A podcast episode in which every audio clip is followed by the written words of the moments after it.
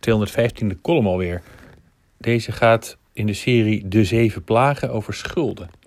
Veel mensen gaan gebukt onder schulden. Studieschuld, hypotheekschuld, corona-lockdown, toeslagen, ellende, noem maar op. De schulden die mensen hebben bij postorderbedrijven, webshops, creditcards. Met grote bedragen, de boeterentes, daarmee lopen de schulden snel op. Totdat de berg zo hoog is dat je er niet meer overheen kunt kijken. Dat je bang wordt voor de postbode die weer met boze brieven komt. Schulden kunnen een vorm van slavernij zijn. Het gekke is dat de overheid zelf ook veel schulden veroorzaakt. De naheffing bij te laat betaalde verkeersboetes loopt hoog en snel op.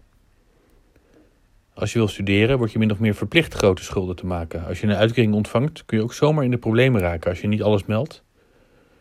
Het werk van organisaties zoals Schuldhulpmaatje is van hele grote waarde.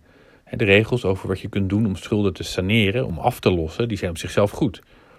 Ja, helaas is het nog niet gelukt, nog steeds niet, om een keurmerk in te voeren voor de mensen die daar toezicht op houden, de bewindvoerders. Iedereen kan dat zomaar worden, lijkt het soms wel.